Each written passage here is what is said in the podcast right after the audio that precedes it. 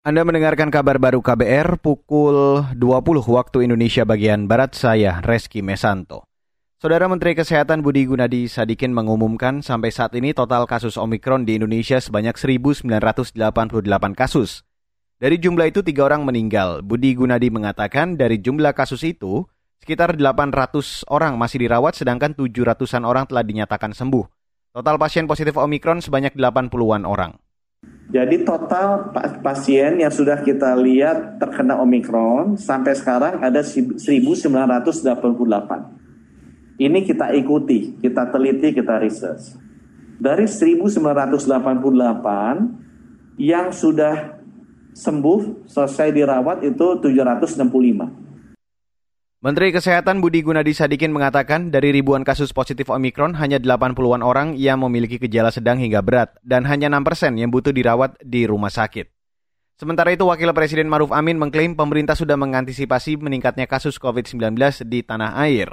Pemerintah mengupayakan agar Indonesia tidak mengalami kasus seperti di beberapa negara lain seperti Inggris, Amerika, India, dan Malaysia.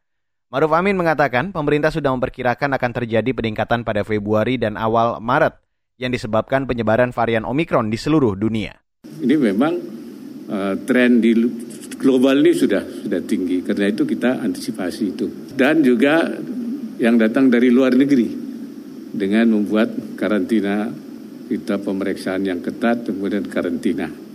Tidak ada dispensasi-dispensasi tanpa karantina. Ini untuk mencegah melonjaknya seperti yang di Inggris, di Amerika, di India juga, dan di Malaysia.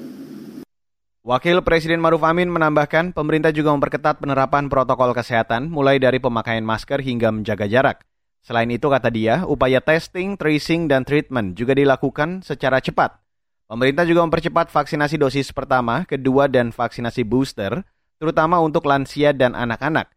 Terakhir kata dia, penerapan peduli lindungi juga terus dimasifkan. Kasus COVID-19 di Indonesia terus meningkat dalam sepekan terakhir. Dalam sehari terakhir, kasus positif bertambah 8.000 per hari dan total saat ini kasus aktif positif COVID-19 mencapai 35.000 orang. Saudara pemerintah Rusia membuka ruang untuk berdialog dengan Amerika Serikat meski tuntutannya tidak akan dipenuhi. Seperti dikutip Reuters, Rusia sebelumnya menuntut keamanan terkait jeda ekspansi NATO di kawasan Eropa Timur, terutama Ukraina dan Georgia. Pemerintah Rusia menyebut mereka tidak akan terburu-buru untuk menarik kesimpulan setelah Amerika Serikat secara resmi pada Rabu menanggapi tuntutan penataan ulang aturan keamanan pasca Perang Dingin di Eropa. Amerika Serikat dan NATO tidak menerima tuntutan utama Rusia. Sementara itu, Presiden Rusia Vladimir Putin akan memutuskan langkah Rusia selanjutnya untuk merespon tanggapan Amerika dan NATO yang diserahkan pada hari Rabu kemarin. Ketegangan Amerika dan Rusia berawal dari pengerahan sejumlah besar militer Rusia di perbatasan Ukraina yang dinilai sebagai persiapan untuk kemungkinan invasi. Namun Rusia menyangkal hal tersebut. Dan saudara, demikian kabar baru saya Reski Mesanto.